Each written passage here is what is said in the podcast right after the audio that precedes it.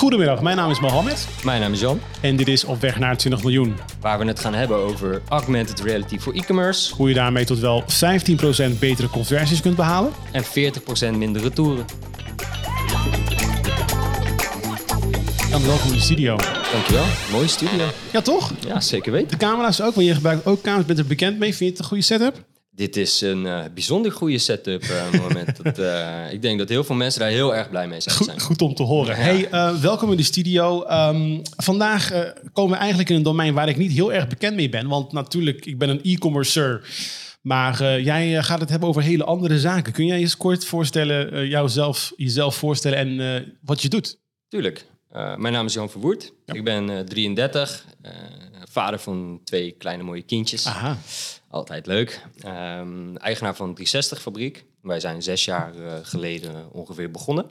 En onze specialisatie is het digitaliseren van objecten en omgevingen.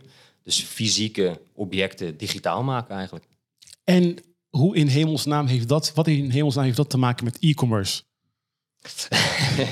Ehm, nou, inmiddels heel veel. Toen wij begonnen, eh, een heel stuk minder. Toen had het eigenlijk alleen maar te maken met gaming. Maar inmiddels zijn eh, web of e-commerce en gaming eh, behoorlijk met elkaar eh, verwoven. Ehm, en eigenlijk wat wij dus doen is, stel je voor, je hebt deze tafel en Ja. die verkoop je.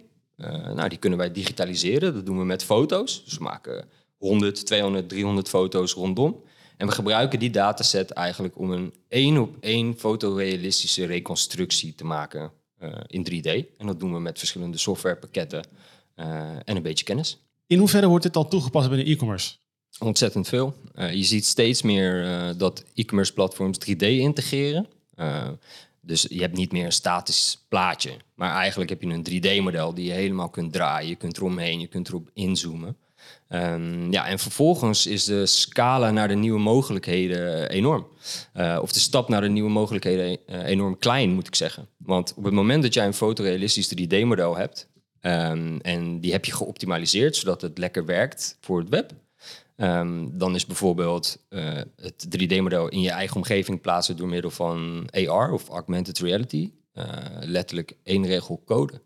Ehm, maar ook eh, contentproductie, dus renderingen. Op, Ja. op het moment dat jij je 3D-model hebt en het ziet er super nice en sharp uit, ja, dan kun je hem in iedere digitale omgeving zetten die je wilt eigenlijk.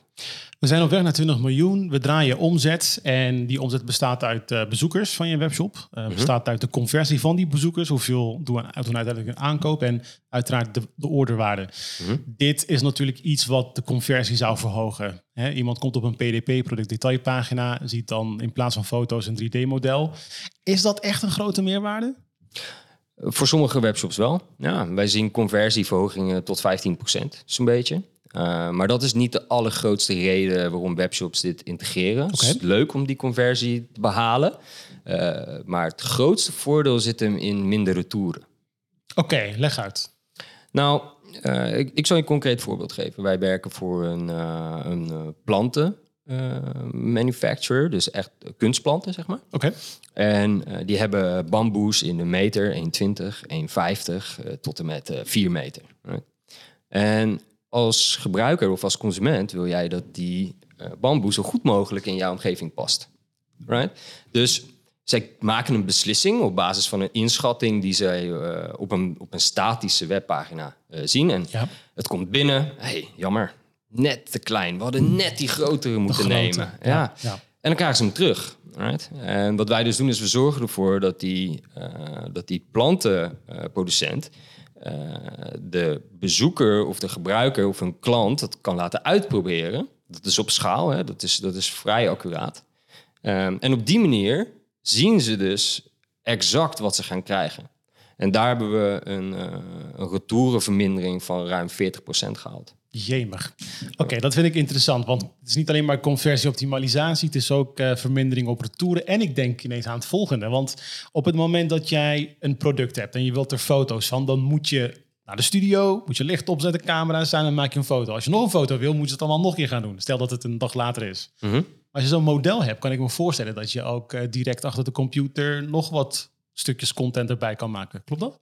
Ja, dat is een uh, service van ons die dus onder die digitalisatie hangt. Uh, die die de la vooral het laatste twee jaar ontzettend hard groeit. Uh, en dat komt eigenlijk omdat de rendering wordt steeds beter.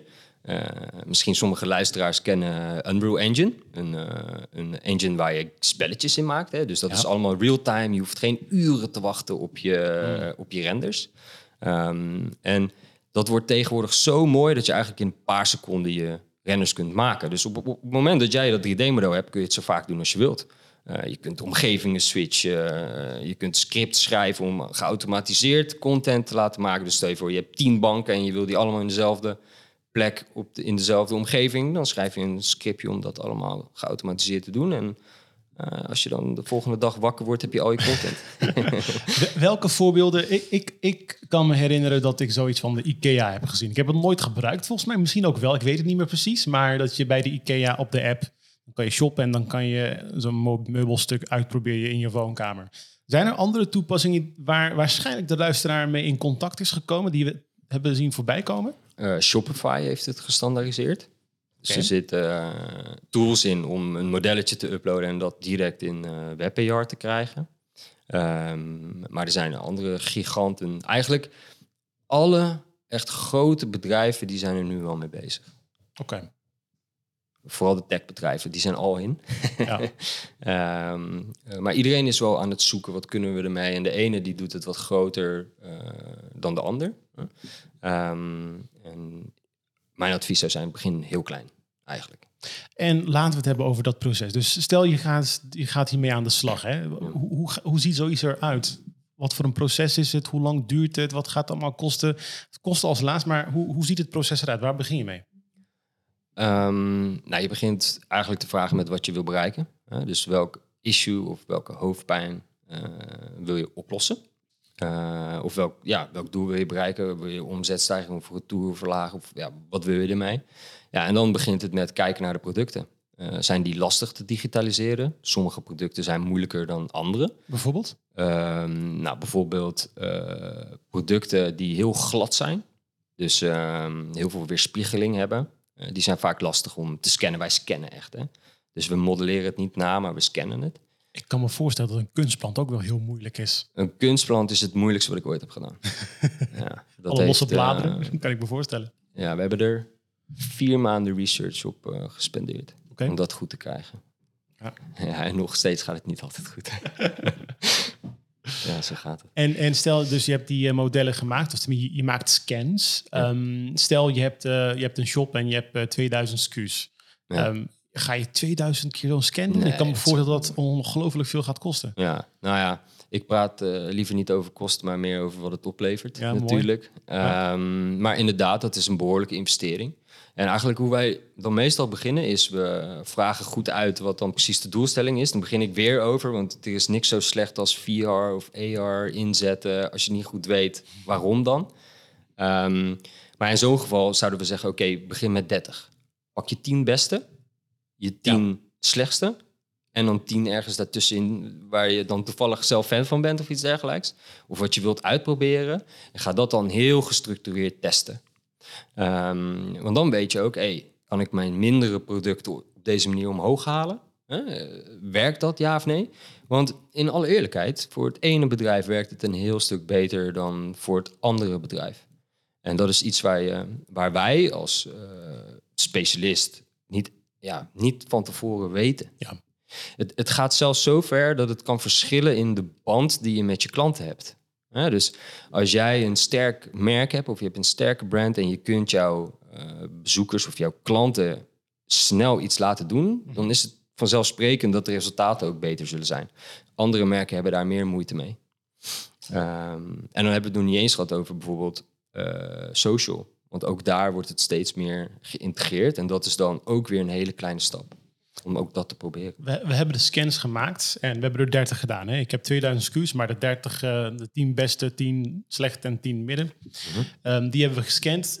Vervolgens heb ik, heb ik dan 30 um, ehm, bestanden op mijn computer. Wat heb ik dan en wat kan ik ermee? Je hebt de 30 fotorealistische 3D-modellen. Die tussen de, laten we zeggen, 3 en de 15 MB per stuk zijn. Oké. En die ga je integreren op je webshop. bijvoorbeeld. Eh, maar er zijn heel veel andere toepassingen. We hebben tegenwoordig NFT's, daar worden ze voor gebruikt. En het is een eh, grote hype op dit moment. Eh, virtual production, wat ik net al aangaf. En kijk, op het moment dat je dat hebt, kan je het eigenlijk voor alles wat digitaal is gaan inzetten. Want zo'n 3D-model is basically de basis voor everything digital. En ik heb een Magento shop. Kan ik zoiets makkelijk implementeren in Magento? Of moet ik daar ook weer helemaal eh, nieuwe dingen voor gaan ontwikkelen? Nou, eh, het ligt eraan hoe groot je bent. Want op een gegeven moment wil je een dashboardje hebben. eh, waarin je goed kunt zien wat alles doet. Ja. hè, om dat goed bij te houden. Dat maken wij zelf niet. Er zit een heel goed bedrijf in Rotterdam, AR Spar heette zij. Eh, gewoon één op één conculega, vriend, hoe je het ook wilt noemen. Ja. Ehm, zij kunnen dat heel goed op gigantische aantallen. Eh, maar in de essentie is het heel erg simpel. Het enige waar je voor moet uitkijken is dat je 3D-model niet direct op je website installeert. Dus op de pagina zet, embed. Want eh, nou, eh, een eh 5 tot 15 MB is best wel wat om te moeten laden. Ja. Dus je SEO die gaat er lekker aan. En wij, wij maken gebruik van Sketchfab bijvoorbeeld. Sketchfab is een hele goede 3D-viewer. Die host dus dat model. En ook de manier waarop het eruit ziet is een stuk mooier dan wanneer je het gewoon op je eigen pagina zou doen. Eh, en eigenlijk verplaats je de hoofdpijn van jezelf naar hun. Oké, wat, ik, wat ik nu voor me heb staan is een, een- is een PDP waarin zeg maar first image Ja. een 3D-model is. ja. En wat is de volgende stap? Ik heb zeg maar dat 3D-model. Kan ik er nog... Ja, ik kan er andere dingen mee. Wat ga ik er nu mee doen? Nou, de volgende stap is WebAR. Dus ga een knopje toevoegen met eh, één regel code. Voor iedereen die het wil weten, AR Quick Look, Google of dat. Ja. Ehm, eh, en dan kun je dus eigenlijk ervoor zorgen dat native op je iPhone of op je Android-telefoon je camera aanspringt op het moment dat je die knop indrukt. Dus, Nou, dus ik ben in de webshop Ja. op mijn telefoon. En Ja. dan druk ik op de knop en dan heb ik gelijk... ga je, gaat je camera aan. Zit je op desktop, krijg je een QR-code te zien. Aha. En dan kun je met die QR-code kun je hem in je omgeving plaatsen. Eh, en ja, en dat is het moment dat je moet gaan closen natuurlijk. Want iemand is geïnteresseerd. Hè? Iemand Ja, eh, heeft het product gevonden, eh, heeft er omheen gekeken, eh, voldoet het aan mijn eisen. En nu gaat hij kijken of het staat. En op het moment dat het staat, dan ehm, zet daar ook een knop, een koopknop. Het kan Apple Pay zijn. eh, maar je kan hem ook terug herleiden naar je webshop om hem daar te closen. Maar, sorry, dus waar is, de knop is ook dan in je kamer, in je woonkamer. Naast het object. Dat is ook een 3D-knop. Eh, hij is plat. Oké, maar hij is, wel, hij is wel in de ruimte. Hij is in de ruimte, ja. hij is in de ruimte, ja. Direct om hem eh, af te sluiten. En, en wat is het verschil tussen... Dus AR staat voor Augmented Reality. Eh, wat is het verschil tussen AR en Web AR? Nou, heel veel bedrijven die doen AR vanuit een app. Dat zou ik altijd afraden, helemaal voor e-commerce. Omdat nou, uit cijfers kunnen we zien dat eh, de drempel om een app te installeren om iets te bekijken gewoon echt te groot is. Ja. Je moet zo'n engagement hebben met dat product. Of de customer journey moet dusdanig lang zijn ehm, dat iemand die effort erin wil stoppen om gewoon een app te downloaden. Ja. Uh, maar dat is voor e-commerce vaak helemaal niet interessant. Dus dan, uh, dan doen we het vanuit het web. En dat, dan heb je ietsjes minder Ah. uh, mogelijkheden.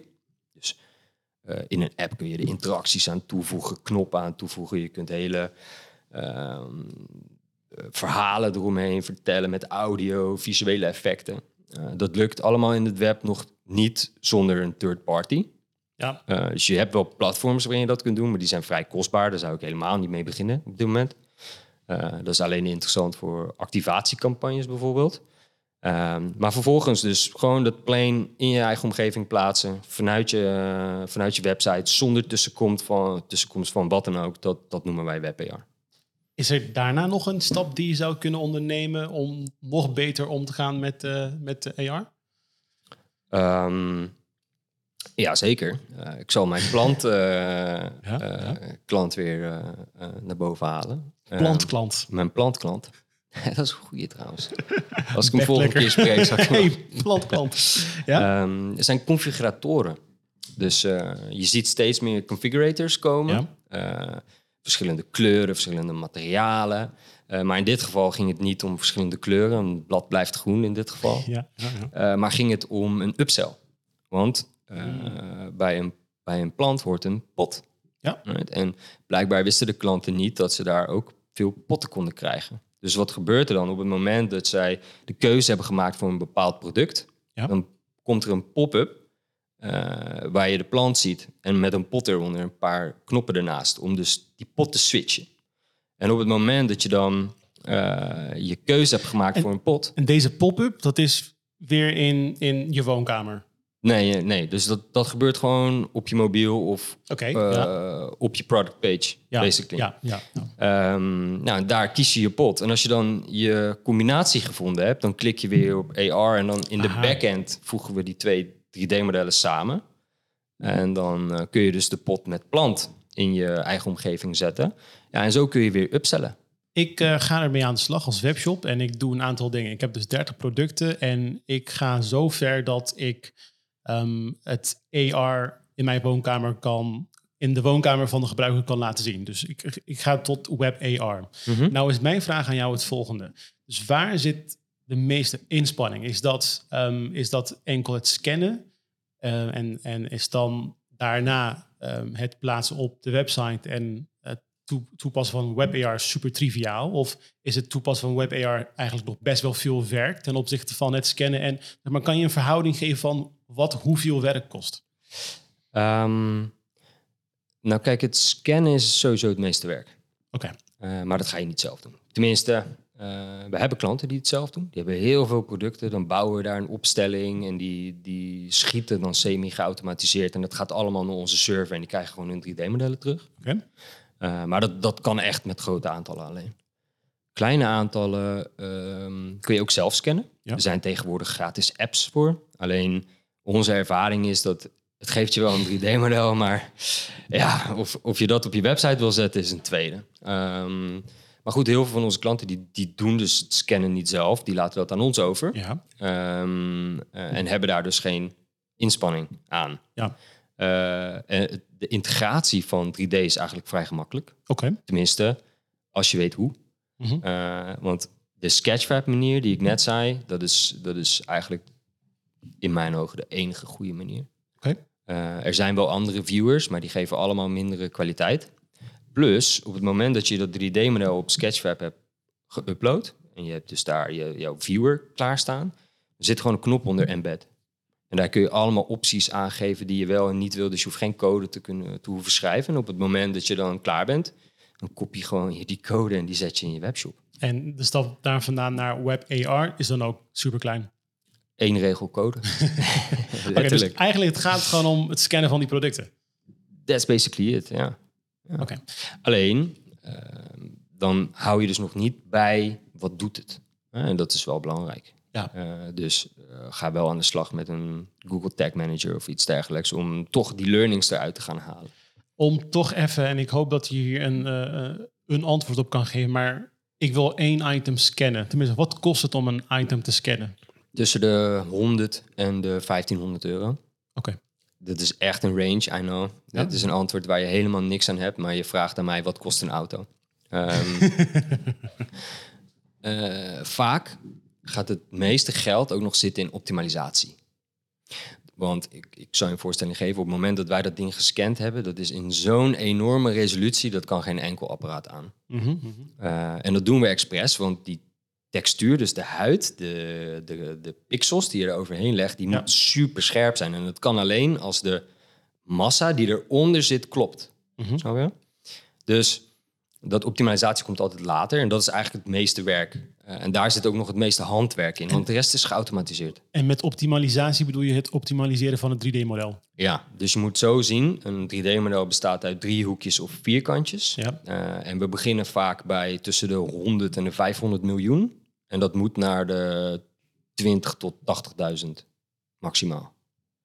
Dat doe je niet handmatig, hoop ik. Ehm, nou, deels. Oké, Soms doen we, doen we dat wel automatisch. dat, dat, dat lijkt me veel Of, werk. eh, handmatig. Som, ja, kijk, er zijn eh, optimalisatiescripts voor. Dat zit in allerlei 3D-software. en de ene is net iets beter dan de andere. Maar ja, in de essentie zul je er altijd wat handwerk aan hebben. Eh, we zijn nu voor de brandweer, voor een virtual reality training... een hele brandweervrachtwagen aan het doen. Eh, ja, dat wordt echt helemaal handmatig gedaan. Want daar komt een training in. Alle onderdelen moeten los zijn. En dat is wel echt... Geinig. Dat is gewoon een paar maanden werk is dat gewoon. Ik eh, ben een, een verschil, vers- verschillend aantal scenario's. Eén, verkoper van schaatsen, van autolak, van naaimachines, van zwembaden, Mhm. eh, van meubels. De vraag is, welke cohorts zijn, hier, zijn hiervoor te porren? Allemaal tot nu toe. Ja, dag. Serieus? Ja, ik maak geen grap. Oké. Nou, je had het over zwembaden. Nou, die hoef ik niet uit te leggen, toch? Ja. maar is het ook niet zo dat, eh, ja, dat toch misschien de, de, de jongere mensen hier heel, heel goed... dat ze hier op, de, op zijn minst mee op weg kunnen als gebruiker op de shop? Want is het ook wel- is het niet moeilijker of een beetje complex? Of, Ehm, nou, het is moeilijker dan gewoon een plaatje bekijken en op koop klikken natuurlijk. ja. Eh, maar wat wij zien is dat de doelgroep, de jonge doelgroep, die weten gewoon native wat ze ermee aan moeten. ja, Dat is niet voor het eerst en dat Ja. is... Ja, Ja, dat is, eh, dat is geweldig om dat te zien. Ehm, maar we hebben ook echt oudere doelgroepen. Alleen sommige moeten wat geholpen worden. Ja. Dus er zit wel degelijk een verschil. En het ligt er ook aan wat het is. Je had het net bijvoorbeeld over autolakken. Nou, dan zou ik dus een eh, configurator bouwen die je eigen auto herkent en dan een andere lak daaroverheen legt.